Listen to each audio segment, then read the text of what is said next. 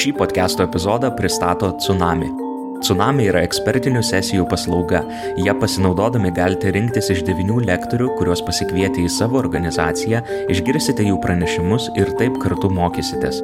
Nuo 15 metų į kalnus kopiančio alpinisto Saulius Damulevičiaus iki kalbininkės Loretos Vaicekauskenės ar mūsų šiandienos podcast'o dalyvio Kesto Kirtiklio. Visi jie, pasitelkdami savo asmeninės gyvenimo patirtis, sieks padėti jūsų organizacijai judėti vienu žingsniu toliau apsilankykite tsunami.lt. Ten galite pamatyti visą lektorių sąrašą ir susisiekti su jais.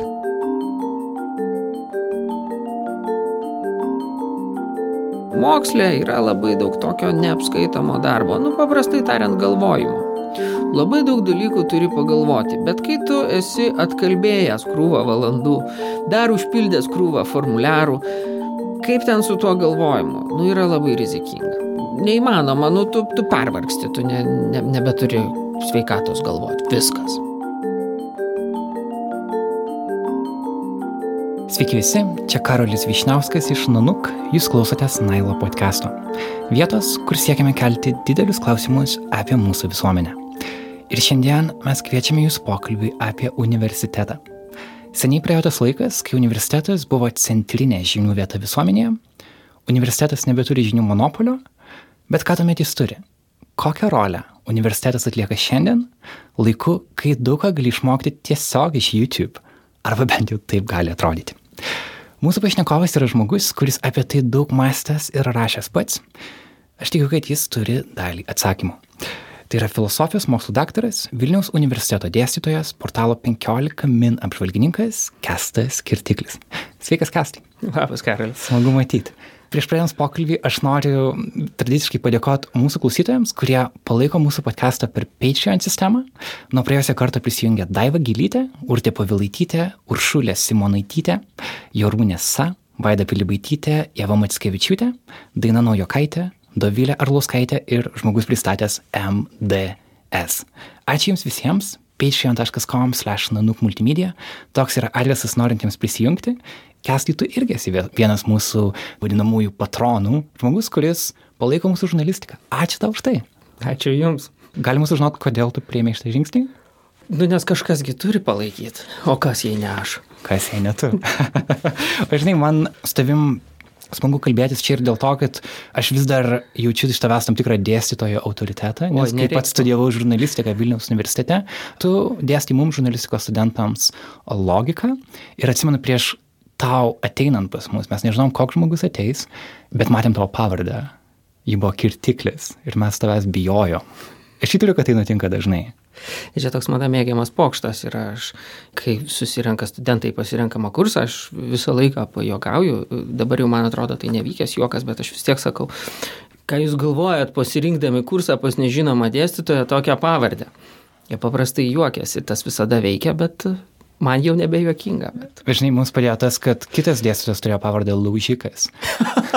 Jis realiai buvo griežtesnis už tave. žinai, um, mintis kalbėtis apie universitetą atėjo klausant tavęs ir kitų tavo kolegų, kada vyko Vilniaus universiteto 440-ųjų metinių toks didelis renginys. Ir jame tu kalbėjai apie tai, ką pavadinai universitetų užsivadybinimu. Tu teigi, kad tas vadybinis modelis, kuris tinka valdyti verslui, yra perkeliamas ir į universitetų sąmonę, kad maždaug geras universitetas tas, kuris yra gerai suvadybintas universitetas. Ir čia aš prisiminiau visą reitingų dalyką. Tai yra tai, kad universitetų reitingai mums labai kažkodėl rūpia. Aš nepamenu, kad jie būtų tiek rūpėję tuo metu, kada pats pradėjau studijuoti mhm. Vilniaus universitete 2008 metais, dabar reitingai yra naujiena. Ir, pavyzdžiui, Vilniaus universitetas yra vienintelis patenkantis į 500 geriausių pasaulyje universitetų. Šiuo metu yra 458 vieta pagal vieną iš tokių centrinių reitingų. A, kita vertus, ką tai apskritai reiškia ir ar tai yra geras būdas vertinti universitetą? Kodėl mums rūpia reitingai? Universitetas nėra apie vadybą, ar ne? Nu, universitetas yra ir apie vadybą, nes kai tu turi, e, pradėkim, nežinau net nuo kur čia, nu, iš toli reikia visą laiką pradėti. Visų pirma, tai kažkaip e, universitetas turėtų būti apie vadybą vien dėl to, kad pavyzdžiui Vilniaus universitetas, kuriame aš dirbu, e, Nors esu dirbęs ir kitose, tarp kitko, universitetuose Lietuvos, e, Vilniaus universitetas yra didžiausias, kaip kolegė šiandien sakė, darbdavys Lietuvoje. Aš žinojau, kad Vilniaus universitetas yra didžiausia biurokratinė įstaiga Lietuvoje. Žodžiu. Tai yra nu, Mm. Tai yra milžiniška, milžiniška žmonių, žodžiu, milžiniškas žmonių kiekis. Ir tu kažkaip turi jiems paskirstyti darbus, paskirstyti atsakomybės, kažkokios vadybos tame reikia. Nebejotinai dabar ar ar šitą vadybą, jeigu vadybą galvojame ne kaip ten optimizavimą, kaip ten padarimą viską kuo geriau, tai vardan ko mes tą vadybą darom? Ir tada e, universitetas, mano galva, jis turėtų daryti viską vardant kitų tikslų, nei kad daro, nu ką žinau, bet, ko, bet kokia didelė ne, bendrovė. Su tais reitingais tai tu teisus, kai mes, e, aš irgi studijavau VAU seniau gerokai, e, kai mes studijavom, kai aš pradėjau dėstyti, Taip, tie reitingai tiek nerūpėjo. Dabar čia mes turbūt QS reitingė esam 458, jo, mhm. bet jeigu čia dabar supyks ant manęs, bet gal nieko tokio universiteto kolegos, kokiam e, Times High Education reitingė mes esam kokie 800 kažkelinti. Mhm. Nu, reitingas yra grožio konkursas toksai tu nori, nenori, reiškia kažkaip kaip universitetas, čia gali jame norėjau, nenorėjau dalyvauti, bet dabar su, su tais reitingais yra kaip su bet kokiu konkursu. Kaip su bet kokiu, kaip su bet kokiu, nežinau, ten uh, grožio. Nu, va, grožio gal turbūt yra geriausias. Ar ta, ar ta mergina, ar netgi ten yra ne, vyrų grožio konkursai. Žmogus, kurį išrinko ne, gražiausiu, jis, ar jis tikrai gražiausias. Mm. Nu, dėstis kam čia? Manęs paklausi, man gal graži, o ne tavęs paklausi, gal ji negraži, ne, ne, ne gal ten kokia, žinai, visai paskutinė iš tų, kiek ten 16 bet, bet reitingai, turi, bet reitingai turi objektyvius kriterijus. Pavyzdžiui, mokslinių publikacijų skaičius, ar ne? Arba m, dalyvavimas tarptautiniuose projektuose ir panašiai. Tai tarsi e, mes norim surasti būdą, kaip įvertinti universiteto jo. gerumą. Bet dažnai universiteto gerumas nėra apčiuopiamas. Jeigu tu turi gerą atmosferą, pažiūrėjau, skaityti filosofinį kūrinį, tai jau yra universitetas. Taip. Labai retai yra kitos erdvės, kur tu galėtum tai daryti, bet kaip tu tai įvertinsi? Nu, tai kaip čia dabar pasakyti, mat su, su tais teisingai ieškom tų objektyvių kriterijų, nu, bet su, su tais kriterijais yra kaip čia. Nu, visi žino, studentai, dėstytojai ir netgi visokie reitingų sudarytojai ir inspektoriai, tikrintojai, ne dabar e, kitas yra populiarus reitingas ir, ir skausmas ne universitetinis, bet ten ne tie, tie reitingai, pagal kuriuos mūsų moksleiviai ten ir neraštingi, ir matematikos nemoka, ir, ir e, PISA reitingai. Mhm. Nu, yra tie reitingai, e, bet visi, visi supranta, kad tarkime tarp kokio nors gero pasirodymo reitingė ir iš tikrųjų gero matematikos arba gero literatūros išmanimo arba nežinau bet ko. Žodžiu, tarp pažymio ir žinojimo, taip paprastai tariant, yra atstumas didžiulis. Kartais didžiulis, kartais nelabai, bet, bet visi šitą atstumą supranta kad kai tu, kai tu bandai kažką sureitinguoti, kažką sudėlioti, nu nori, nenori, tu įimi kriterijus, nu, nu niekada taip nėra, kad, kad tuos kriterijus kažkas atitiktų pilnai. Ne, tu sakai, okei, okay, čia šitas iki šito kriterijaus prieina, neprieina, nu jeigu prieina, žinai, pritempiam, nu, kiek, o nedaug trūksta. Kitas, kitam trūksta vos vos vos mažiau. O tai jis jau ne, nesiekia, tai čia krentam į žemesnę. Tai, tai su visais tais, ten, ten tuose objektyviuose reitinguose yra ne tik uh, ne tik tai, e, reiškia, koks, nežinau, publikacijos, ne, bet, bet yra, pavyzdžiui, studentų pasitenkinimas. Mhm. Nu, va tas studentų pasitenkinimas, tai išmatuoti žmogaus pasitenkinimą kažkuo, mano galva, yra labai sunku. E, nes čia, čia, čia tu įsivedi tokį, nu, vat, maždaug, o kaip tu jauties? Nu, aš jaučiuosi gerai, ne? Aš jaučiu, o ką reiškia gerai? Kaip tu save vertintum, septynetų ar aštuonetų? Nu, va čia toks, e, šiaip jau e, iš tikrųjų tie, tie reitingai, jie yra, man, mano galva, jie yra geri rinkodarai. Būtent. Jie žiauriai geri mm. rinkodarai. Aš kažkaip visą laiką juokdavausi, kad e, univer, Vilniaus universiteto rinkodara stovėdavo ant, e, būdavo labai iš, eksploatuojami, išnaudojami keturi skaičiai 1, 5, 7, 9. Dabar tai yra va, 4, 5, 8, buvo kažkada 410. Nu, žodžiu, yra labai, nu, tai yra labai vienareikšmiška, labai, labai supranti, kad Va, čia mes 500. E, aš nenoriu pasakyti, kad čia yra, reiškia, kad Vilniaus universitetas yra blogas e, ir, ir nieko jis ten nevertas. Ne, bet mano galva jis yra geras ne todėl, kad jis yra 458 e, ar ten buvo netgi 410, ar koks kitas universitetas yra blogas, ar, ar, ar, ar mažiau geras, ar geras, bet nu, žodžiu, ne, ne tai skaičiais tų universiteto gerumą išreiškia. Universitetas yra geras tada, kai jisai daro tai, ką turi daryti. O ką universitetas turi daryti? O čia labai sudėtingas klausimas. Iš tikrųjų, labai daug, aš sakyčiau, labai daug tų universiteto, į universitetą galima žiūrėti iš labai daugybės kampų. Mhm. Mažiausiai sutinku su požiūriu, kad jis turi ruošti profesijai, kad jis turi ruošti darbo rinkai. O ar tai nėra dominuojantis požiūris?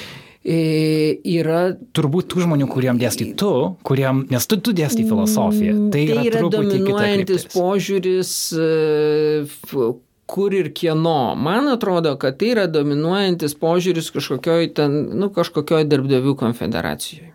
Mhm ne, e, ar verslo konfederacijose, kur, kurios ištisai yra nepatenkintos, kad universitetai mums neparuošia darbuotojų, nes visas tas universitetai neruošia darbuotojų, ten yra praleisti įvardžiai.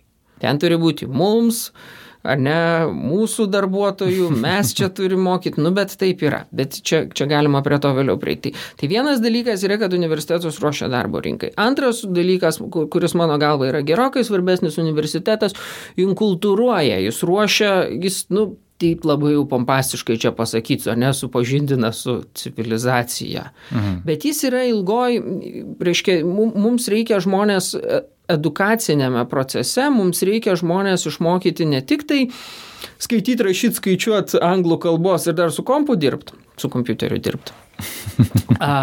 bet, bet iš principo mums reikia paaiškinti jiems, kaip veikia pasaulis. Arba, koks, arba koks... paaiškinti, kad yra daug būdų paaiškinti, kaip jo, pasaulis. Jo, jo, jo, kad, kad tu gali sakyti, kad yra labai, uh, iš tikrųjų pasaulis yra labai sudėtingas ir ką mes universitete darom, tai mes sakom, žiūrėkit, pasaulis yra labai sudėtingas, jį gali žiūrėti taip, taip, taip ir taip, ir taip, suvokti tą pasaulio sudėtingumą. Iš čia yra kitas dalykas, kad su tuo žodžiu į, į, įvesdinimu, socializacija, į, į kultūrinimu, tai turi suprasti vėlgi, kad e, ta visuomenė yra dabar labai sudėtinga, ar ne? Ir toj visuomeniai čia dabar nebemadinga apie tai kalbėti, kažkada labai daug kalbėjom apie informacijos visuomenę, dabar apie ją nebekalbam, nu nebemadinga, dabar jau kaip ten nežinau, išmani, sumani, bet, bet iš principo tai yra tas pats. Mes, mes turime visuomenę, kurioje yra labai padidėjęs, nu, tas informacinis srautas, tas vamzdis. Reiškia, tu ne tai, kad labai daug, ne tai, kad labai daug, daugiau pasidarė dabar informacijos savaime, bet, bet labai daug informacijos tu gauni, nu, nebe tarpiškai, o tarpiškai. E, aš netikiu, kad ten prieš šimtą metų žmonės, reiškia, bitais gaudavo mažiau informacijos, bet jie ten matė paukščiukus, ne žemę ariamą, ar tai kažkas kažkas buvo tokio labiau, nu, tokio labiau betarpiškai suvokiama. Dabar tas yra labai tarpiška ir tas duomenų srautas yra didžiulis ir tame duomenų sraute tu turi tiesiog kažkaip susiorientuoti. Va, kai tau universitetas, man atrodo, čia tą daro ir gamtos mokslai, ir mes humanitariniuose tą darom, jis tiesiog sakom, kad žiūrėkit, va šitas yra, yra toks didžiulis srautas ir jį tu gali kažkaip bandyti suvaldyti, preparuoti tuo kampu, tuo kampu, tuo kampu, gali bandyti labai tokia kompleksiška, sudėtinga informacija, turi, turi kažkaip prisijimti savo sau. Taip galima viską išgooglinti. Ir žinojimo monopolį, kad universitetas tau suteikia visas žinias, universitetas šitą žinojimo monopolį prarado. Nebejotinai. Ar atgaus? Klausimas. Aš būčiau linkęs manyti, kad vilčių yra, bet Bet, Bet čia būtų... yra laiko klausimas. Ar to reikėtų siekti? Nežinau, ar to reikėtų siekti, bet man atrodo, tiesiog institucija, kur yra labai gyvybinga, nu, ji turi kažkaip įrodyti savo vietos pasaulyje svarbą. O universitetas visą laiką jis kažkaip Taip. tokį bandė su, su, su to žinojimu, monopoliu, jam buvo, jam buvo tai nu, raison d'être. Tai yra tai, kodėl universitetas yra. Taip, ir pamenu toje pačioje 440 metų Vilniaus universiteto diskusijoje, tu paminėjai, kad e, Kristina Sabaliauskaitė šiandien yra didesnė, pavyzdžiui, istorijos mokslo Taip. populiarintoje negu Neabejotinai. istorijos mokslininkai dirbantys universitetuose. Bet ar gal, gal tai yra geras dalykas? Galbūt e, gerai turėti žmonių, kurie domisi, juk Kristina Sabaliauskaitė nes nerašo netiesos, ar ne? Manau, kad ji daro paslaugą istorijai ir galbūt sudomina daugiau žmonių su tuo. Man įdomus tas universiteto tokios, ar tai nėra tam tikras elitizmas, kad štai tik mes galim, tik mes jums galim teisingai papasakoti apie tai. Tik mes turbūt niekada taip nebuvo. E, nu, kai galvoji apie vakarietiško universiteto istoriją, tai nebuvo tokio tik, nu, gerai, su, su tam tikrom išlygom, bet, bet paprastai būdavo kažkokios alternatyvos. Ir tų alternatyvų akivaizdai, ką tu gali daryti, tu gali jas aišku smugdyti, ne, ten papjaut sudegint. E, Arba tu gali bandyti nu, ka- kažkokią tokią intelektualinę jų įveiką daryti ir sakyti, va štai mes, mes, mes kažkaip uh, pasižiūrėkime, ne, o, o gal tas alternatyvus žinojimas, kiti faktai, ne, alternatyvus faktai, gal jie nelabai pagristi. Tai aš čia prie ko bandžiau irgi pri, pri, privest, kad juk universitetas, jis nelaimės nei prieš Google, nei prieš YouTube. Ir žinoma, tu greičiau susirasi informaciją keliais pelės kliktelėjimais ar ten, kaip ten tas dabar e, pedas, touchpedas vadinasi kažkaip lietuviškai keistai. E, Planšetė. Ne, ne, ne, reiškia tas, kur ant ant kompo yra vietoj pelės, žinai, ant, ant nešiojamo kompiuterio, tas, kur A. tu su pirštais vedžioji. Nesvarbu. E, Žodžiu, tai, tai nesvarbu, tu, tu mm, po, porą kliktelėjimų gali greitai viską susirinkti. Bet e, ką daro universitetas su tais visais, reiškia, su, suvokdamas, ką mes šitam kompleksiniam žinojimo laukia darom, jis rūpinasi filtrais. Jis daugiau tai aš tikrai ne, nemanau, kad jis gali pasiūlyti ten greitesnį žinojimą ar, ar greičiau pasiekiam ar kažkokį efektyvesnį. Mes sustatom filtrus, mes, e, mes sustatom ar ne, e, mes, mes bandom sustatyti tokius filtrus, kad nu, Žemė vis tik nėra nei plokščia, nei čemodano formos. Kodėl? Nu, nes tada, tada neveiktų visi kiti daugybė dalykų, kurie tarsi realiai veikia, nu, jie tiesiog neveiktų. E, kaip ten ar ne pasakojimai, kad ten, e, nežinau, e, baroko laikais vos nevyko ten 90-ųjų gaujų karai, ne vos ne metalistai prieš urlaganus. Nu tas gal gražiai skamba, ar tas labai yra istorinis faktas? Nežinau, aš ne istorikas, man sunku pasakyti, e, bet e, ar tai yra esminė informacija, kurią tu išsineši iš romano apie baroką? Nu gal ne esminė, gal tai yra svarbi. Apibrėžia žodį romano. Gal baroką. taip, gal tai yra, gal yra svarbesnių dalykų, kurio, kuriuos iš tu iš ten išsineši, ne, ir tu negalvoji, kad, reiškia, tai, ką dabar mo muziejuje rodo, tai viskas, tas, žinai, čia Vilniaus universiteto didžiajam kiemėje, čia luposi, nu gal nesilupo jie taip. Ne, bet, bet, bet aš kalbu, sakau, kad toks e, tu- tas, tas, tas filtrų sudėjimas. Žmonės nebejotinai, jie, jie ieško ir, ras informacijos visur. Ir čia, čia prieš vėją nepapūsė jau aiškiai. Tvarkoj. E, Žinai, kokį aš paradoksą matau, kalbant apie aukštąjį mokslą Lietuvoje, kad grinai procentiškai, jeigu mes pažiūrim žmonių, kiek Lietuvoje esančių žmonių turi aukštą išsilavinimą, Lietuva turi įspūdingą statistiką.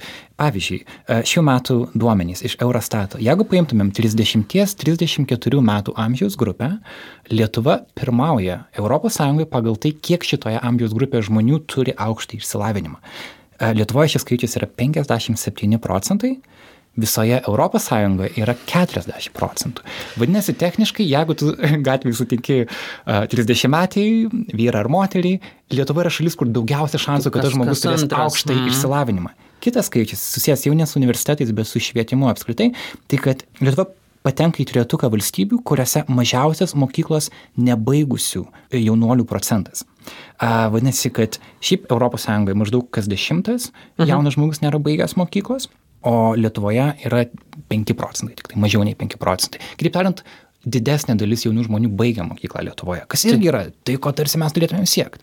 Bet tada, žinai, yra kitas požiūris, kad, a, taip, tu esi perkeliamas į kitą klasę, taip, tu gauni universiteto diplomą, bet uh, kokia to diplomo vertė, kokia jo reikšmė.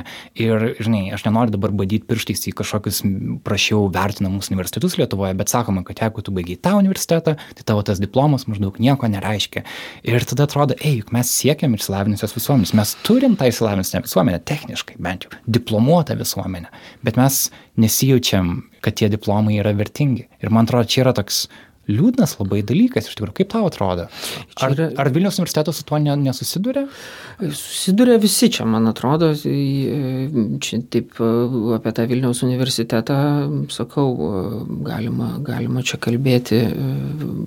Ne, kai yra rektoriaus rinkimai, tai atrodo, kad popiežiaus rinkimai čia per, per žinias praneša iš karto. Vilniaus universiteto rektorium išrinko tą ir tą, ne, pavyzdžiui, Dailės akademija, kada pernai išsirinko rektorę, kas apie ją ką nors girdėjo. Nu, aš kažkaip, kai sakau šitą, tai žmonės, kai kurie sako, o jo, girdėjau kažką. Nu, žodžiu, bet, bet tai, nu, ar, ar tai reiškia, kad tas universitetas yra paskiepytas nuo, nuo visų kitų universitetų problemų? Nu, ne, nereiškia. Paslaptis čia yra paslaptis, kur aš nesuvokiu, iš tikrųjų nesuvokiu, kaip čia yra. Mes turime, gerai tikiu tą statistiką, mes turime labiausiai išsilavinusią visuomenę mes turime požiūrį, kad e, jeigu tu nestoji į universitetą, tai tau trūksta kelių balkių arba jie neišėlės sudėti. Nu, žodžiu, tai yra baisus didžiulis socialinis spaudimas. Jis, aš vis paklausinėjau žmonių, ar jis yra, jis vis dar yra. Nu, tu būtinai turi stoti. Net jeigu į kolegą įstoji, vis Nes tiek. Vis tiek tu turi kažkaip. Taip, taip, tu turi būtinai, būtinai stoti. Tu reiškia, tu turi tu turi, kad ir pasiimi tuos, ne, kokį tar, metų tarpą po mokyklos, bet tada vis tiek tu, nu, tu negali nuspręsti, kad o per tą metų tarpą, o aš va čia nieko nestosiu, aš ten ne, garažiukę kompiuterius surinkinėsiu. E, ar kažką tai. Ne, ne, ne. E, tu būtinai, jeigu, jeigu reiškia, kad, kad tu gautum tokį socialinį prestižą, tu būtinai turi stoti į universitetą. Tai čia viena tendencija, kur jeigu paklaustum, reiškia, tėvų, norit, kad, mano, kad jūsų vaikas to aišku. Ir kita tendencija nuostabi yra visiškai priešinga, bet ji, man atrodo, irgi yra labai tikima. Ar Lietuvoje aukštasis mokslas geras? Ne, fui. Mhm. Blogas, labai labai blogas. Kodėl? Nu, nes čia yra universitetų visų labai žemas lygis, geriau jau ten, nežinau, važiuoti į kažkokį įkandamą plus minus universitetą jungtiniai karalystėje ir tada jau jame būti, nes, matai, Lietuvoje yra blogai. Tai kaip dabar ar dabar iš tikrųjų tu darbo rinkoje labiau prasisuki ir, ir, ir lengviau įsisuki į ją ir esi labiau paklausus atėjęs su anglišku diplomu. Turiu įvairių pažįstamų Mhm. Vieni patvirtintų šitą, kiti, mano galva, ne ką, ne ką reiškia kvailesni ir net visai nekvailesni, reiškia lygiai tiek pat protingi žmonės, jie vėlgi su, su Junktinės karalystės universiteto diplomais e, turėjo keblumų.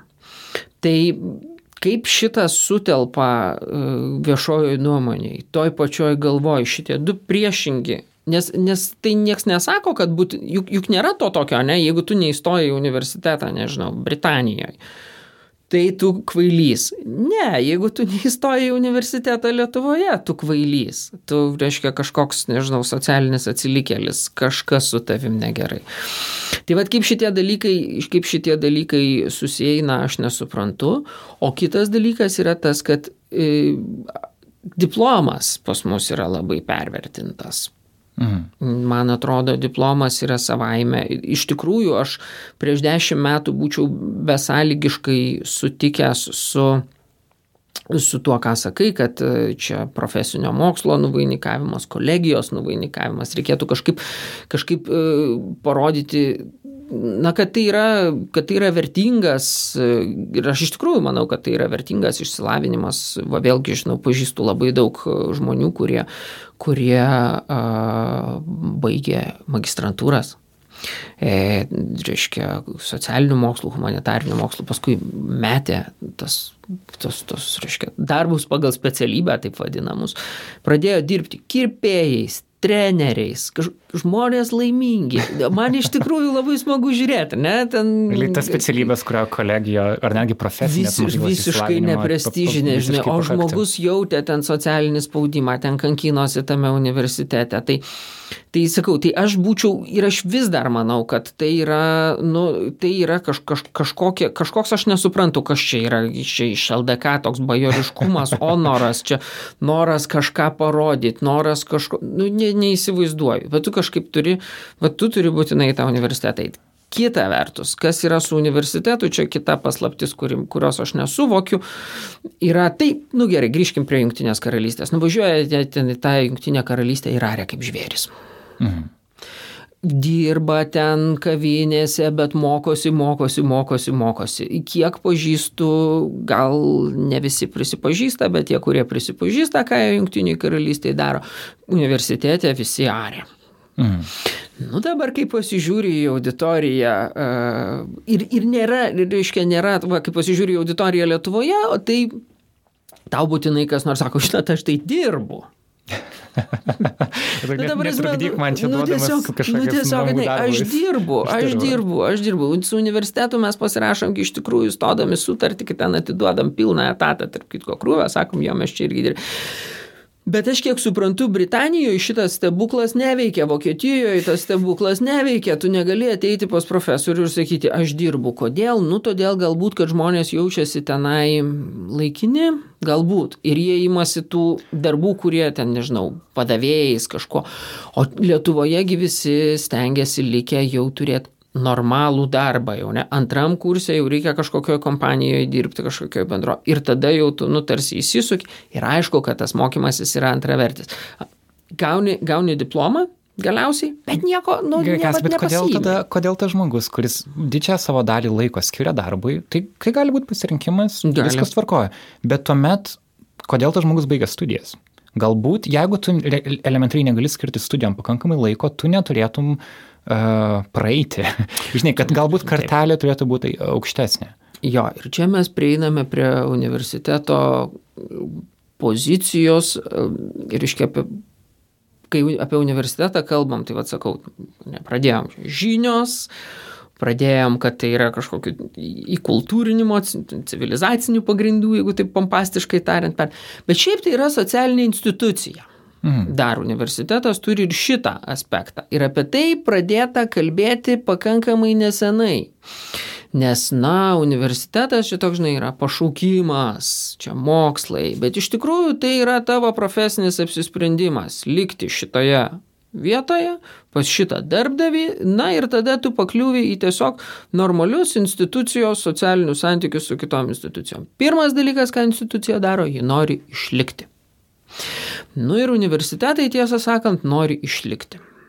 Ir e, štai su, su visokiom krepšeliniam sistemom arba su, su, su, su visokiom kitom finansavimo plonybėm universitetas kažkaip tampa priklausomas nuo studentų. Ja, reikia paaiškinti, krepšelinė sistema Krepšil... tai reiškia, kad kiekvienas studentas pasirinkęs, pavyzdžiui, Vilniaus universitetą studijuoti, atsineša savo tą vadinamą pinigų krepšelį ir įneša jį į universiteto biudžetą. Ir jeigu universitetas pasako, mums nebereikia tavęs, nes tu nepakankamai darbo įdedi į studijas, Tai taip, tu parodai poziciją, bet tu prarandi ir tavo moksleivio krepšelį ir taip, prarandi taip. pinigus. Ir galų gale jo, ir, ir universitetui tada reikia kažkaip... Kompensuoti tos kom, pinigus. Taip, kompensuoti mhm. tos pinigus, bet kaip sakiau, va, pavyzdžiui, e, ten ne koks nors Vilniaus universitetas, jis, jis turi didžiulį didžiulį darbuotojų skaičių, jam reikia galvoti, nu, tu negali dabar, reiškia, paimti ir atleisti tų darbuotojų, taigi jam reikia kažkaip, kažkaip tiesiog, nu, tu negali paimti, va, taip tiesiog ir išmesti žmonių į gatvę, ne? Tai čia dar, dar iki tiek, dar iki tiek e, naujoji vadyba nepriejo. Bet yra argumentų, kurie sako, tokių ne tik jau Vilnius universiteto mastu, bet visos Lietuvos mastu. Maždaug uždarykime ten, palikim tris universitetus, mm -hmm. padarykime juos labai gerus, kad mes turėtumėm ne 458 vietą, nežinau, 113. Žinai, kad mhm. kad tiesiog iš principo viską iš naujo perkurkim. Aš nelabai tikiu, kad tas yra įmanoma, bet yra tokių balsų, kurie sako, kad Lietuva kaip šalis ir nepajėgi turėti tiek daug universitetų. Ne, nelabai įmanoma, nes, nu kaip, net, reiškia, realiai galvoti reiktų turbūt taip, mes turime žmonės, kuriuos turime Ir jeigu tu atleisi staigiai ar ne visus dėstytojus ir tarsi surinksi į tuos tris universitetus geriausius iš geriausių, nu gerai pasielgsi socialiai, socialiai žiauriai ir neteisingai, e, na, o gal kaip tik priešingai teisingai, ko jo čia dabar susirinkę, ne visi blogi dėstytojai į tos universitetus, tegul eina kaž, kažko kito daryti. Ir neslėpkim, yra netaip jau ir mažai dėstytojų, kurie tiesiog yra pasirinkę universiteto darbą ir karjerą universitete kaip socialinę užuovėją mm. nuo baisių pasaulio vėjų. Bet tai e, tiesiog darbo vieta. Jo, jiems tai tiesiog mm. darbo vieta. Bet, bet tada yra klausimas, nu vėlgi, štai, nu gerai, susirinksime mes tuos žmonės. E, ir čia prasidės tas pats pinigų skaičiavimas, e, čia prasidės tas pats galvojimas, o kaip mes juos vis dėlto motivuosime dirbti ir apskritai, kaip mes juos motivuosime gyventi, ne, būti universitete. Dalykas vėlgi, apie kurį labai mažai kalbam, yra tas, kad universitetas yra, nu gerai, mes galim, sakau, atleisti. Dabar kur, kur Ir tada pagrindinis klausimas yra, o kur yra užtikrintumas, kad tie žmonės, kuriuos mes atleisim visi, jie tikrai ateis į naują konkursą, į naują universitetą. Nes, sakau, dalykas, apie kurį mes labai mažai kalbame, yra tas, kad universitetas vis dėlto yra tokia socialinė institucija. Ir kaip darbdavys universitetas, jisai konkuruoja su, su viskuo kitkuo. Jisai konkuruoja su privačiu sektorium E, jisai konkuruoja tiesiog su normaliomis bendrovėmis, su, su, su, su normaliais, reiškia, su, su verslu. Tiesiog. Ta. E, ir Ir jis lygiai taip pat kovo, konkuruoja su valstybiniu sektorium. E, yra labai, na, kaip e, žmonės kartais, na, sako, ką čia universitete, čia labai daug, ne, už, už tą patį atlyginimą galiu tiesiog ten kokioje nors biurokratinėje įstaigoje popierius kilnoti. Hmm. Ir tada žva šitas argumentas, kad na, betgi tu universitete intelektualiai tobulėjai, jis tampa toks labai keistas. Tai va dabar mes įsivaizduokim, atleidžia mane visus ir geriausius ir blogiausius, nesvarbu, kaip mes čia sugalvojam, kas geresni, kas blogesni. Ir tikimės, ir tikimės, kad geriausiai po to, kai mes parodėm duris, jie grįž pageidautina ant kelių ir maldaus, kad mes juos priimtumėm atgal į universitetą.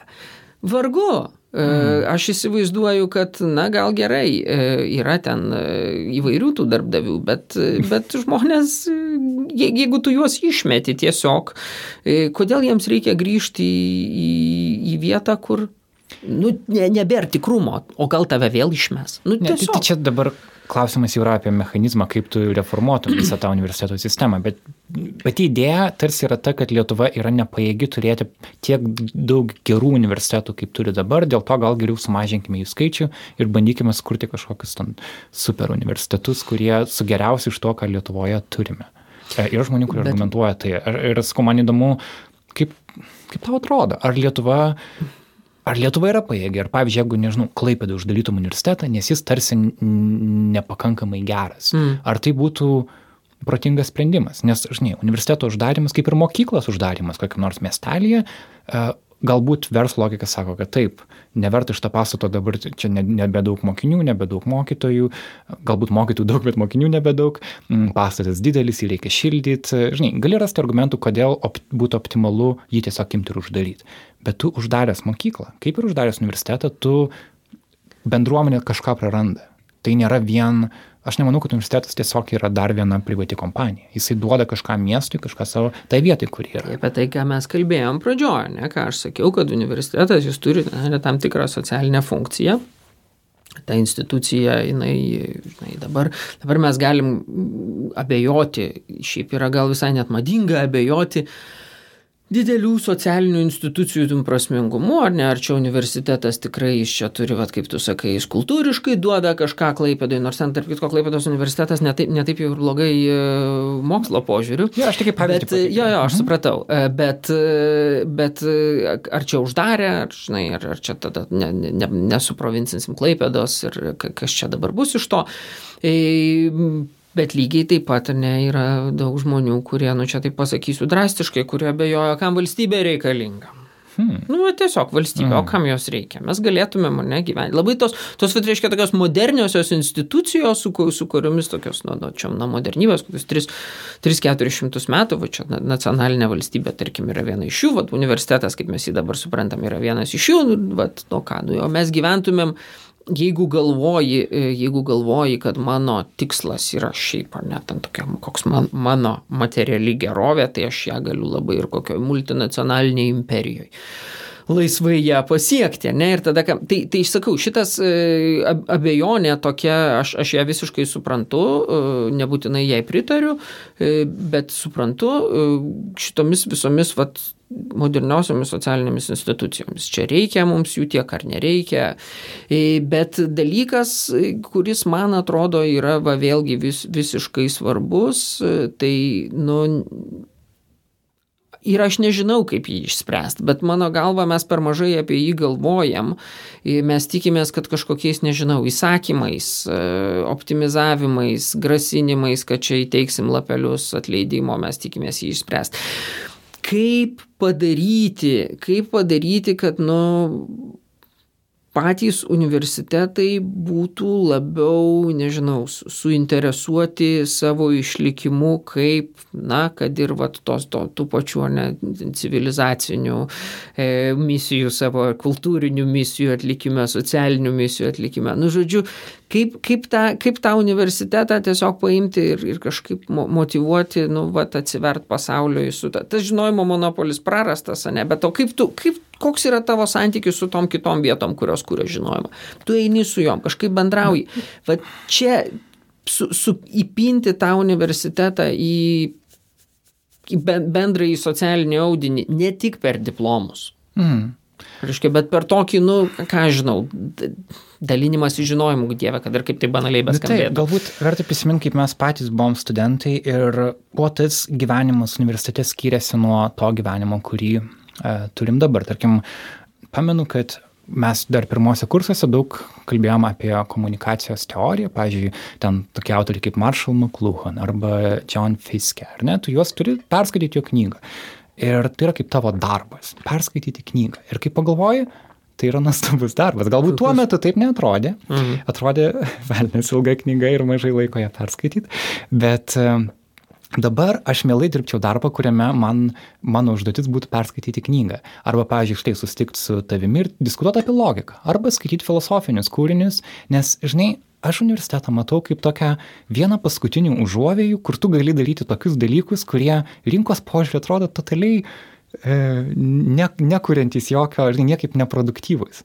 Ir kad tai galbūt yra užuovėja nuo bendrai rinkos e, ideologijos. Juk ir kita vertus tai yra universiteto kaip tam tikras prakeiksmas, ar ne, nes tu tarsi turi paruošti, tu kaip universitetas turi užauginti kritišką asmenybę. Bet mhm. jeigu tu esi, pavyzdžiui, nežinau, kuri mobilius telefonus, tavo tikslas yra sukurti žmonės, tiksliau, turėti, turėti žmonės, kurie tiesiog nupirktų tavo tą telefoną daug nemastydami. Tai tu iš esmės esi prieš, tu kuri tokius rezistentus truputį ir tu automatiškai esi pasmerktas būti truputį pralaimėjęs, nes e, tu tiesiog esi, kad ir turėtum, turi savo 400 metų istoriją, vis tiek e, rinka turi savas taisyklės. Ir universitetas yra tam tikra rezistencijos forma. Aš taip matau dabar universiteto prasme. Universitetas visada buvo, nu kaip aš, man sunku sugalvoti e, kokią nors santvarką, kurioje universitetas vakarietiškas Čia mat vėlgi kaip, kaip apie ką galvosim, bet tas universitetas vakarietiškas, kuris nebūtų rezistencijos forma. Mm ten kokiam dabar galvoju, kokiam galvoju absolutizmui, ne, nu, ten vėlgi kiek, kiek, kiek ta intelektualinė veikla ten tuo metu buvo susijusi su universitetais, bet jeigu ji kažkiek ir buvo sus, susijusi su universitetais, tai, nu, tai ji buvo rezistencijos forma, ne, kokiam nors, nežinau, netgi ten Tarybų sąjungoje taip jau ten didingi pasakojimai yra, ne, kaip ten, kaip ten kai kurie universitetai laikydavo kiek tomis sąlygomis buvo įmanoma, ne, kaž, kažkokią ten rezistenciją, kaip ten, reiškia, visus kokius dėstytojus išmesdavo už, už tai tiesiog, kad jie dirbo savo darbą, bet praktiškai tas gaudavosi tokia rezistencija. Tai, tai čia bandymas, bandymas klausti ir sakyti, o tai kodėl, kodėl mes vat, turime iš tikrųjų daryti tai, ką visuomenė mano, kad mes turime daryti. E, tai kas, kas sugalvojo šitais taisyklės. Tai čia, man atrodo, vis, visais, nu, nu, jo, didelę dalim turbūt visais laikais, netgi tada, kai galvotumėm apie viduramžių universitetus, ne, kurie ten turėjo iš tikrųjų tarsi ruošti žmonės, ne, ten, kurie jau ten darys bažnytinės karjeras ir, ir vis tiek ten atsirasdavo e, keistų dalykų ir, ir išmokdavo jie keistų dalykų ir, ir susiformuodavo tos tokios žinojimo formos, kurios atsirasdavo žinojimas, kuris, nu, ne visada labai sklandžiai su, su, su, to vyraujančiu sudėrėdavo. Tai kas yra šiandien ypatingesnio, tai sakau, man, man atrodo, kad yra čia tokia, kaip mes kalbam, ne universitetų krizė, universitetų krizė. E, tai, tai dažnai, dažnai dažnai įsivaizduojame, kad ją galima išspręsti, nu kaip, tiesiog paimant, ne, štai problema kokia, štai čia universitetas, jis nerošia man darbuotojų reikalingų, ne, tai ką reikia padaryti, tą universitetą biškelį perdirbti pagal, pagal rinkos poreikius, kad visą laiką ar, ar politinė, ar ekonominė, ar ten, nežinau, dvasinė valdžia e, bando žinojimo vietą, kur gaminamas žinojimas perdirbti pagal savo poreikius. Tai taip. Bet dabar, e, kas, kas man atrodo e, nemalonu, e, tai kad daugybė mokslo administratorių, mokslo politikų, mokslo vadybininkų yra va, kažkaip įtikėję kad mes universitetą galime, reiškia, kaip atnaujinti kaip programą, nu tiesiog va pakeisdami vadybą. Nu mes čia biškelį restruktūruosim mhm. ir bus viskas gerai. Betgi problema yra ne ta, kad ir kaip tu gerai, kad ir kaip tu gerai universitetą suvadybintum, Problema yra, man atrodo, ta, kad mes ne, nebežinom, kaip, kaip su to žinojimu. Jeigu universitetas yra vieta, kuri, nu gerai, kad ir tu čia sakėjai elitistiškai, e, bando dėti leteną ant to žinojimo monopolio. Taip, tėvūnė ir taip, žinai, bet jeigu, jeigu problema pagrindinė ir yra ta, kad ne, mums tas žinojimo monopolis už tos letenos išslydo, Tai ką reiškia? Ar mes įsivaizduojam, kad mes, reiškia, pa, pa, pa, tiesiog pagerinsim tą, kaip čia dabar pasakyti, tą, tą leteną, padarysim pirštus, ne, jau ne nagus, jau ten ne, ne, ne kaulinius ar kokius, kokie ten medžiaga, o geležinius ir jau tada geriau sugriepsim, nu nesugriepsim. Reikia galvoti, reikia galvoti ne kaip ta letena taps geležiniais pirštais, bet kaip ją judinti, kaip ją stumti, ne judėti link to žinojimo. Reiškia, ne, ne, jeigu pakeisi pakeisi vieną ranką kitą ranką, ne, ten paprastą geležinę, nesugriepsi, tas žinojimas jau ten kažkur pabėgęs ir neaišku, ar ta geležinė judės daug lengviau, nu, biški, gal svers daugiau, nežinau, ar čia vykusi metafora, bet man atrodo, reikia galvoti, kas, kas vyksta su žinojimu, nu, biški nuo kito galo pradėti galvoti kokiam pasaulyje mes gyvenam ir kur čia yra, kur čia dabar yra ta pagrindinė problema, su kuria mes dirbam. Ir po galais, tai, tai Nu, aš suprantu, kad ten ta kažkaip norisi e, gal optimizuoti vadybą, bet viskas paprastai baigėsi dar daugiau popierių pildymo ir tada visi spjaudosi. Kaip tas pats savo atsakęs į šitą klausimą? Vat tu atini į Vilniaus universitetą, tavęs laukia studentai, kokią tu užduotį formuluoji savo? Ką, ką tu turi padaryti per šitas pusantros valandos, kai su jais dirbsi, kad tu jaustumės, kad savo darbą atlikai gerai? Mm. Apie tą jau kažkaip kalbėjom. Čia aš galėčiau turbūt tik pasikartoti. Mano, mano kaip, na, ar filosofijos, ar, ar komunikacijos teorijos, aš čia turiu tokią dvigubą tapatybę dėstytojo. Taip, aš labiau šiandien tave kaip filosofą pristatau, bet komunikacija yra jo, tavo tyriamojas sritis. E, mano užduotis yra, jeigu taip labai paprastai pasakius, sujaukti viską. Pasakyti, kad pasaulis yra iš tikrųjų labai sudėtingas E, yra labai daug būdų į jį žiūrėti ir gatavų atsakymų mes kaip ir neturime. E, jeigu turėtumėm gatavus atsakymus, e, vis, dėl kurių visi sutartų, tai veikiausiai mes galėtumėm uždaryti ir universitetus ir ką tik nori. Gerai. Diskusija nebevyktų. Gerai, kodėl tu tai nori daryti? Kas tave motivuoja ateiti į tą universitetą ir studentams tai perduoti? Kokią tu matai prasme to? Kokią aš matau prasme? Aš ma, prasme tai tame matau turbūt didžiausią tai savo paties tobulėjimo. Jeigu man, e, kaip pagalvoju... Atviras, sakytum, savanaudiškas. E prisipažinimas. Taip. Mes visi turim turėti tam tikrą savo naudišką motivaciją darbę, kurį Nebejotinai, nes niekas daugiau čia nemotivuoja ir kaip dėstytojo darbas ir yra tas, e, tas ką, ką, ką jau minėjai, pats kaip studento darbas, skaityti knygas, ne? Tai vad, skaityti knygas, kažką bandyti daugiau sužinoti, e, pergalvoti tai, ką tu žinojai prieš tai, e, kažkaip rasti pačiam naujų kampų, suprasti, nes nu, tiesiog žiūrėti, ar ne, kaip tu va prieš metus, ar ten prieš, kaž, prieš kažkiek laiko, tu buvai nu, mažiau suvokiai, e, žiūrėti, kaip plečiasi tavo žinojimo, bet kartu ir nežinojimo. Tas yra labai įdomus dalykas. Su kiekvienu, su kiekvienu nesužinotų dalyku tu matai, kad tavo tarsi žinojimo ribos plečiasi, bet ir nežinojimo ribos plečiasi. Baisiausiai tu matai, kiek dar dalykų. Ar patys studentai tave išmokina kažko naujo? Mes tarsi, Taip. žinai, kaip prieš tai kalbėjom apie tą bendrą įvaizdį visuomenė, apie tai, kokie Lietuvos universitetai yra, tarsi sakom, kad mes nesitikim, kad ten bus daug smalsių smalsių studentų. Atrodo, kad tas va, dirbantis studentas, kuris tiesiog nori gauti diplomą, mm. bet jo tikrasis gyvenimo prioritetas yra susikurti karjerą, tarsi mes, man atrodo, visuomeniai toks susikūrė Lietuvo, Lietuvos studento įvaizdis. Ir aš nežinau, ar jis yra teisingas.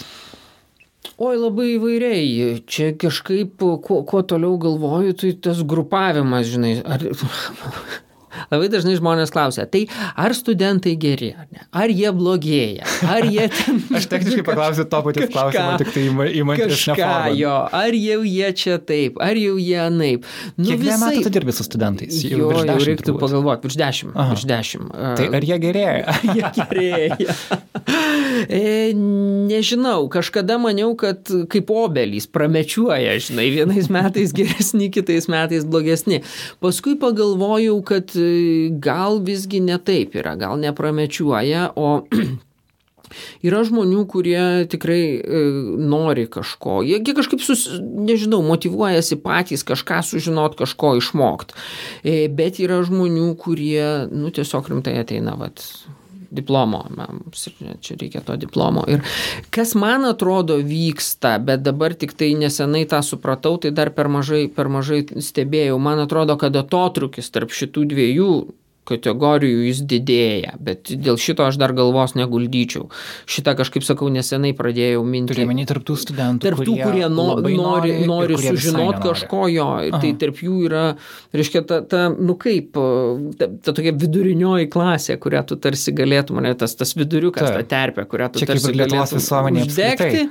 tai va, ji man atrodo po truputėlį nyksta. O tai ką darai su tais studentais, kurių nepavyksta uždegti? Jie vis tiek ateina. Liūdžiu, liūdžiu. Ar, ar, Um, nes čia asmeninė patirtim galiu pasidalinti, kad mes kaip su Nanu pradėjom dirbti su medijų edukacija. Mes kartais vykstam į mokyklas, vykstam seminarus, vedam, bandom kritiškai, bandom supažinti moksleivius, kaip kritiškai vertinti žiniasklaidą. Ir tu atvyksti toksai visiškai, atrodo, o čia dabar, nes tau tai yra ypatinga diena, tu susitinki su naujais žmonėm, kurių prieš tai nematėjai, tu panik kažkokią naują erdvę. E, tu labai toks būni užsidegęs. Ir dažnai būna moksleivių, kurie yra užsidegę taip pat, ir, daž, ir dalis yra, kurie kurie tiesiog galvoja, o gerai, turiu lais, tarsi laisvą pamoką, bet jiem iš tikrųjų nėra labai įdomu ir tu galvoji, kaip iki jūsų prasilaužt, kaip jūsų domint, ką, bet, bet dažnai to atsakymo nerandi ir turbūt turi susitaikyti, kad dalį žmonių tiesiog bus neįdomu, galbūt jie net neturi nieko asmeniškai prieš tave, jie gal turi savo gyvenimo problemas, bet tos, tas problemas jie atsineša į auditoriją. Ką tu su to darai? Sunku labai pasakyti.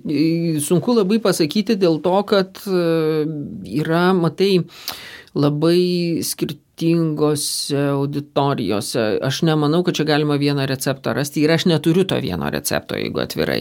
E, kartais būna, kad patys, e, patys na, kursiokai, ne, grupiokai, reiškia tavo auditorija padeda tau, ne? Mm. Kažkaip galima bandyti ir aš labai dažnai stengiuosi e, daug krūvio permesti ant studentų pečių, ta prasme ir atsakomybę stengiuosi labai daug permesti, nes, na, jie lengviau ten randa bendrą kalbą, ne? Kažkaip, kad įtraukti visus ir ten yra kokį seminaro, seminaro vedimą, žodžiu, tas vietas, kur tau reikia jau tikrai aktyvaus bendradarbiavimo. Tai aš tada tiesiog ten turiu, turiu tokių visokių metodų, kai aš prašau auditorijos pagalbos. Iš esmės aš tiesiog atsiprašau, deleguoju, deleguoju dalį atsakomybės auditorijai. Nes, nu, mat, mat, paprastai aš tai kažkaip e, studentams labai mėgstu tokią šokio metaforą ir sakau, žiūrėkit, bet, bet iš tikrųjų tai e, pedagoginis procesas, edukacinis procesas yra kaip šokis. Ir kaip ten dviejų reikia. Mhm. Nu, tu negali, reiškia, įsivaizduokit situaciją, ne, jūs nueinat kažkur šokti dviese, vienas, vienas čia juda, o kitas stovi nosi krapšto. Dalykas neįvyksta ir abiem nemalonu. Abiem tarp kitko nemalonu. Tai reiškia, jeigu tu nori, kad šokis pavyktų, tau tam reikia dviejų partnerių. Tai dabar žiūrėkit, situacija yra tokia, aš tiesiog negaliu jūsų paimti, ne, ir, ir mes šokam ir aš negaliu jūsų vesti, jeigu jūs nesiduodat vedami.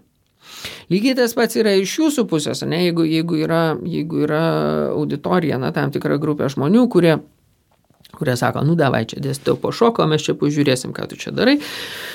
Nu, neįvyksta, ne, neįvyksta iš vis nieko, mes tada išsiskirstam, visi, žinai, nusivylę. Tai va, kažkaip pabandymas, pabandymas juos ten paraginti vieni kitus padėti. Nes, na, tokie, man atrodo, tų betarpiškai tokių, nu, kaip lygiaverčių tavo partnerių. Nes su dėstytojais čia vėlgi, žinai, yra toks, ne, ateina kažkas, kas atseit ten daugiau žino ir, ir ten atseit jau turi čia kažkokį autoritetą ir tada prieš tą autoritetą ten ar kalbėti, ar kažkaip ten kažką pasakyti, ar, ar pasakyti, kad man čia tiesiog neįdomu įdomu ir man, mm. man, man, pavyzdžiui, dabar rūpi visai kiti klausimai, mm. čia, kuriuos mes svarstom. Yra net, nu, nedrasu. Tai, yra net kitaip buvę, kad tau pasakytų tai? Yra buvę jo, yra. Nes tai reiškia, kad vadinasi, tu nesukuri to žinai, ne, neprieinamumo kažkokio autoriteto, kas turbūt yra geras. Tai? Ne, yra buvę, nu matai, sakau, aš, aš tengiuosi taip padaryti, kad auditorija išsiprovokuotų, jie ten tarpusavėje kalbėjo. tarsi. Ir tada žiūri šitą šou. tarsi, žinai, ne, ne, kažkaip ne, ne tai, kad išeini iš auditorijos, bet, bet dalyvauji ir, ir man atrodo klausimai ne į temą tokie jie visai yra, jie labai dažnai būna įdomus, nes, nu, mm čia vėlgi, kaip, kaip mes žiūrime, ko žmonės ateina į universitetą, jeigu galvojame, kad universitetas yra vieta, kuri užsima žinojimo gamybą, žinojimo kūrimu, tai tai dalykas, ko žmonės turi ateiti, tai ieškoti atsakymų į savo pačių klausimus. Hmm. Nu, tu gali pasakyti, žiūrėkite, štai du su filosofija čia be pigų, du su pusę tūkstančio metų mes manom, kad čia didis klausimas yra toks. Nu ir nerūpi niekam tas klausimas. Žinai, o prieš tave sėdi burelis, burelis jaunų veidų ir jam visiškai nerūpi. Nu ir ką daryti. Ir tada kažkaip... Pala, bet jie įstojo į filosofiją? Ne, nebūtinai. Aš, ar, ar jiem filosofija yra kaip tas kaip papildomas dalykas? Jo, bet, bet matai, ta filosofija įvairiai būna, bet netgi, bet netgi filosofija yra labai platus laukas. Taip, ne? Tu gali ateiti, tu gali ateiti susidomėjęs kažkokiam ten konkrečiom problemom, e, tu gali ateiti, tarkim, savo, žinai, asmeninių kokių nors, nežinau, abejonių gyvenimo prasme vedamas o štai staiga, žinai, čia tau sako, O dabar pakalbėkime apie tai, koks pasaulis yra iš tikrųjų, nes nuo, nuo, nuo graikų pradeda. Tai, tai žmogui gal jam rūpi, gal jam rūpi, pa, pa, žinai, as, asmeninis klausimas daug labiau. Ir čia tas kažkaip bandymas, o, o, ką, o ką, kad ir tie graikai apie mano asmeninį klausimą. Aš suprantu, kad tai yra baisus nukrypimas nuo temos ir nuo filosofijos istorijos, kaip, kaip mes ją įsivaizduojam. Ir aš manau, kad jos studijos yra prasmingos savaime, Bet, nepaisant to, aš manau, kad ignoruoti klausimą, kurį žmogus atsineša į universitetą ar į žinai, konkrečią ten tavo auditoriją, nu gal irgi nėra labai vaisingas kelias. Hmm, be abejo. Tai iš to, ką aš girdžiu, suprantu, kad paties dėstytojo atsidavimas studijoms um, labai daug reiškia. Ir uh, dėl to su tavim smagu kalbėti šitam temam, nes atrodo, kad tu nuolat turi energijos ir kad ir kiek, kokį tave ir iš paskaitų pamenu, ir iš kažkokio viešų interviu tavo teksto atrodo, kad tau rūpi, kad tau yra įdomu, tau norisi pažinti daugiau. Bet e, suprantu, kad yra kad tikėtumės, kad visi dėstytojai bus tokie, tu, tam turi bus sudarytos elementariai geros sąlygos dirbti, kaip ir bet kuriam kitam darbe. Ir pastaruoju metu daugiau yra kalbama apie mokslo darbuotojų sąlygas. Buvo, tebėra ta iniciatyva, kuri vadėsi paskutinis prioritetas, kur mokslininkai kalba apie jų darbo sąlygas. Taip pat um, keliamas atlyginimų klausimas apie tai, kad um, tiesiog elementariai tu turi daug dirbti, kad tu gautum padorų vidutinį lietuvišką atlyginimą. Ir pamenu vieną mūsų dėstytoją žurnalistikos studijose, kur jinai, jinai supratau, kad neturėjo tuo metu kažkokio aukštojo mokslinio laipsnį, buvo kaip profesionaliai atvykstanti mums turiu pasidalinti savo žiniom. Jei tai buvo tokia kaip asmeninė motivacija matyti, nes jinai mums juokaudavo, sakydavo, žinant, kad šitas 90 minučių aš būnu su jumis, tai iš už savo mašinos parkavimą, čia vat Vilnius senamestį sumoka maždaug taip pat, kiek sumoka man. ir tas buvo, tuomet man buvo jokinga, tai aš galvoju, huh, uh, turbūt kažkaip turėtų būti kitaip. Tai aš galvoju, grinai iš tokios brutalios būtinės pusės, ar būti jaunu, nebūtinai jaunu, būti mokslo darbuotoju Lietuvoje yra ar tai yra gera karjera, ar tu gali ramiai atsiduoti darbui studentams, ar tu turi labai daug dirbti, kad sudarytum savo atlyginimą. Kaip ir daugelis kitų žmonių kitose srityse dirbančių. Nu, nėra tai gera karjera, čia dabar. ne, čia dabar, čia dabar tai reikia jau provokuoja mane sakyti baisius dalykus. E, ne, provokuoja, provokuoja sakyti baisius dalykus, nes aš suprantu ambivalentiškumą šito, tai reiškia tokia dviprasmybė keista. E, vienas dalykas, e, ką aš sakiau, kad universitetas jis konkuruoja dėl geriausių tiek su, tiek su valstybiniam, tiek, tiek su ne, verslu verslu, tiek su valstybiniu sektoriumi, tiek su verslu. Ir dabar e, pasakyti, kad universitetas siūlo jums konkurencingą atlyginimą būtų netiesa. E, ir blogesnis dalykas yra tas, kad turbūt universitetas niekada jums ir nepasiūlys konkurencingesnio hmm. atlyginimo negu negu, na, tam tikros verslo struktūros arba tam, tam tikros galbūt netgi valstybės institucijos. Tačiau, ir čia va pradedam, e, dabar galima būtų sakyti, kad e, taip dabartiniai situacijoje šiandien tai yra vienareikšmiškai universitetas pralaimi, universitetas pralaimi ir, ir e, kad gautum, kad kažkaip, na, oriai gyventum, išgyventum, tai ten turi suktis kaip vyjurkas, ne mažiau nei, nei ten startuoliai ar, ar, ar kažkokie kiti pradedantis verslininkai, o gal net nepradedantis. E, kiek suprantu, tai iš tikrųjų yra krūviai, yra tokie, kur, kiek tu turi dirbti. Na, Problema yra ta, kad... būtų, kad tie startuolių verslininkai sakytų, o tai kaip kitaip, kodėl, nu, kodėl taip. mes turim dirbti daugiau už tave, kas, nu, taip, kas nu, tau davė nu, kažkokią aureolę. Nu, reiškia, tokia, tokia problema yra ta, kad e, dabar sugalvojimu ir aš nežinau čia vėlgi, kaip tai yra apskaičiuojama, aš, aš visiškai ten nepulčiau su jais ginčyti, sakyčiau, jo, e, tikrai mes čia nesam, nesam labai privilegijuoti, bet E, darbo apskaitimas yra toksai, na, kad tu turi kažką padaryti fiziškai įmanoma. Tuo tarpu, tuo tarpu mokslė yra labai daug tokio neapskaitomo darbo, nu, paprastai tariant, galvojimo. Labai daug dalykų turi pagalvoti, bet kai tu esi atkalbėjęs krūvą valandų, dar užpildęs krūvą formuliarų, kaip ten su tuo galvojimu, nu yra labai rizikinga kažkaip net ne, ne, ne, ne tai, kad rizikinga, bet tai yra neįmanoma, nu, tu, tu pervargsti, tu ne, ne, nebeturi sveikatos galvoti, viskas. Tai sakau, tai e, aš bandau tą paskutinį prioritetą palaikyti kiek galėdamas ir visose protesto akcijose bandau dalyvauti ir aš tikiu, kad e, galų gale nu, mes pasieksime to finansavimo didinimo. E, nežinau, kokiu stebuklu tai įvyks, nes panašu, kad čia jau reiktų apie stebuklą kalbėti, bet aš tikiu, kad mes pasieksime. Jis šiek tiek buvo padidintas, jeigu teisingai suprantu, nu, praėjusiais metais, ar ne? Šiek bet, tiek. Bet čia, bet čia vadovaujantis tokia logika, ne kad nu, ir 5 eurai yra padidinimas, nu, nes vis į namus, ne iš namų, ar ne? Tai tokia logika vadovaujantis taip buvo padidinta. Bet e, net tuomet, kai aš tikiu, kad galų galę tą finansavimą mokslui padidins. Netgi tuomet aš manau, kad verslas bus e, didesnis ir pajėgesnis e, darbdavys, o galbūt, sakau, netgi kai kurios valstybinės institucijos.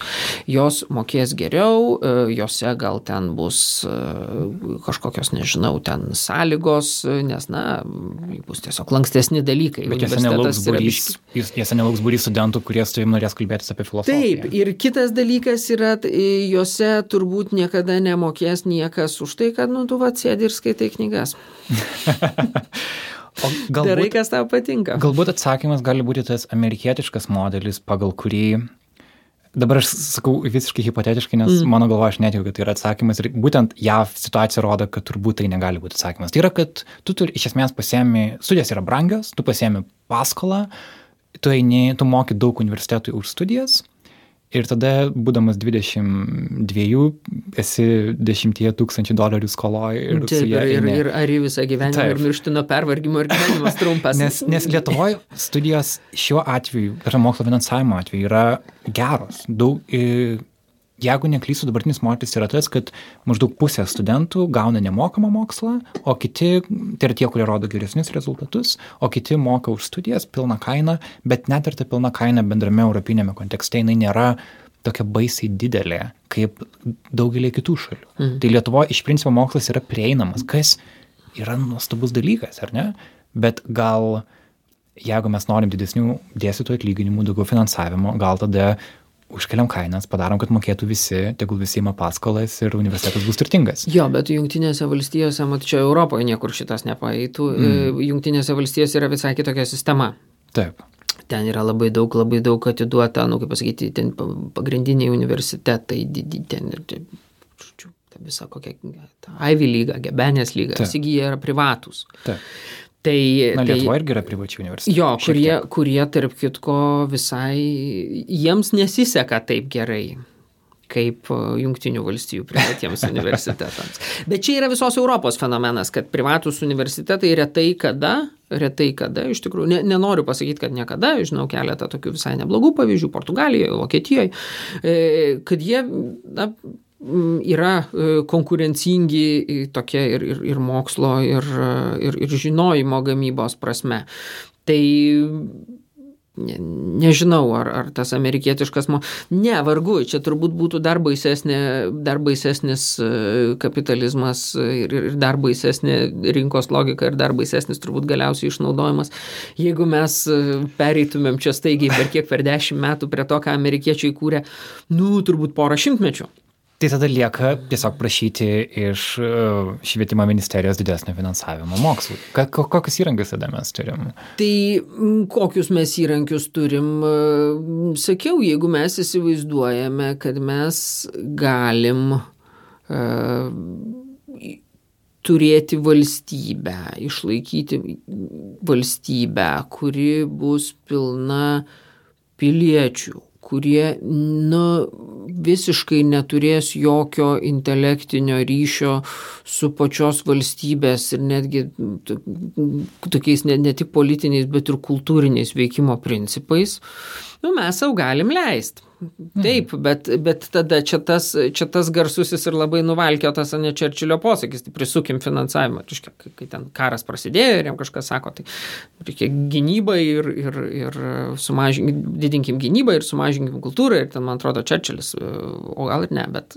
tarkime, kažkoks Britų premjeras sako, nu jo, bet tai dėl ko mes tada kariausim? Tai Gerai. Tai čia yra, tai čia yra toksai, nu, arba tu, arba tu darai žmonės taip susiformavo per kažkiek, reiškia, čia tų šimtų metų, kad vakarų pasaulyje bent jau yra, nu, kažkoks toks, net jeigu tu nebaigi universiteto, tu vis tiek kaž, kažkokį tokį, nu, net ne kanoną, čia nereikia galvoti kanoną, tokį, tokį bendrai, bendrąją idėją, vat kaip, kaip, šitas, kaip, kaip šita visuomenė veikia, tu kažkaip ją tu, jį turi. Ar ne? Ir, ir universitetas, nu va kažkaip tą bando kanoną nu net ne kanoną, va tą bendrą idėją, tiek pateikti, tiek ją kritikuoti, kažkiek, ne, aš, aš nesakau, kad ji čia yra besąlygiškai gera, ne, bet, bet tu jos nepažinęs, nesuprasdamas, kaip ji iš tikrųjų veikia, nu tu neturi kaip paimti ir kritikuoti jos.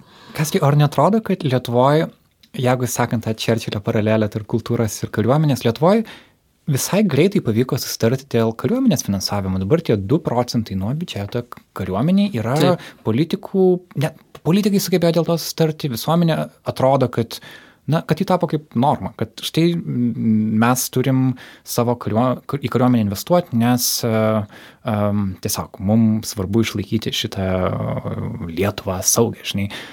Man įdomu, kodėl dėl mokslo tokio sustarimo nėra.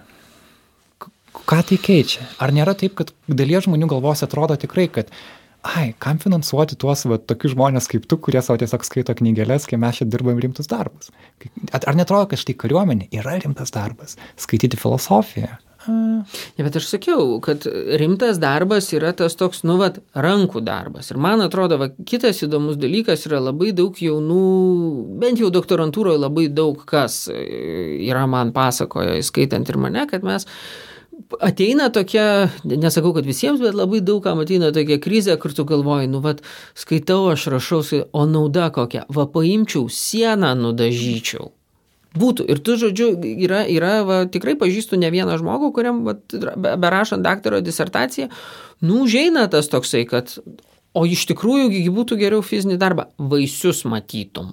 Vat į griovį, vat ne, nuvažiavai draugui, draugui iškroviai ten, ką žinau, sunkvežimis nusipirko ten kažkokių malkų ir iškrauni. Ir matai, o aš skaitai, skaitai, aš, o rezultato ištrini dar paskui, žinai. Nu, tai, tai, bet, bet man atrodo, kad čia tas, tai, tai ką tuo noriu pasakyti, man, man, man atrodo, kad čia apskritai tas toks visuomenės, pas mus kažkoks toks mentalitetas yra ir čia turbūt ne tik pas mus, gal plačiau vakaruose žiūrėt, kad darbas padarytas yra tas, ne ką tu apčiuopi. Iš kur reitingų žavesys, apčiuopiama, Aiškiai ne, tu iš, išsimeti aiškiai lentelę, va čia, čia taip, čia, aha, 458 buvo 40 smukimas, ką čia mums reikia, ką čia mums reikia padaryti, kurį, kurį žinai, kriterijų pajudinti, kad mes biški pakiltumėm. Ką, žinai, nu, va, kažkokiais tokiais e, mastant, bet, e, nu, bet, e, nežinau, iš negalvojant, tai Bet turbūt e, net mokslo daktarams kartais padažyti sienas yra sveika. tai visada sveika. Ko- Koks yra tavo fizinis darbas pabėgimui nuo mąstymo? A, šiuo metu neturiu čia. Bet gal, gal reikia susivastyti. ne, aš tai, aš tai tokio fiz, fizinio darbo tai tikrai neturiu, bet kažkaip vis, vis, vis kažkaip pagalvoju, kad reikia, reikia kažkaip pabandyti susirasti e, laiko ir kažką, žinai, nu, tiesiog pa- paimti, nu, ten nežinau, nueit, nueit kur nors taip pas, pasavanoriaut vos ne fiziniu darbu. Man, man, man tikrai kažkaip tokios mintis kyla, bet, e, nu, va, čia aš. Bet, bet šiandien Neturi praleidai- laiko, per, neturi laiko per lentelių pildymą. Taip, ir kalbėjimą su žurnalistais. Ačiū to, kas už tavo laiką ir ačiū už tas Ačiū studijas, kurias galėjau turėti.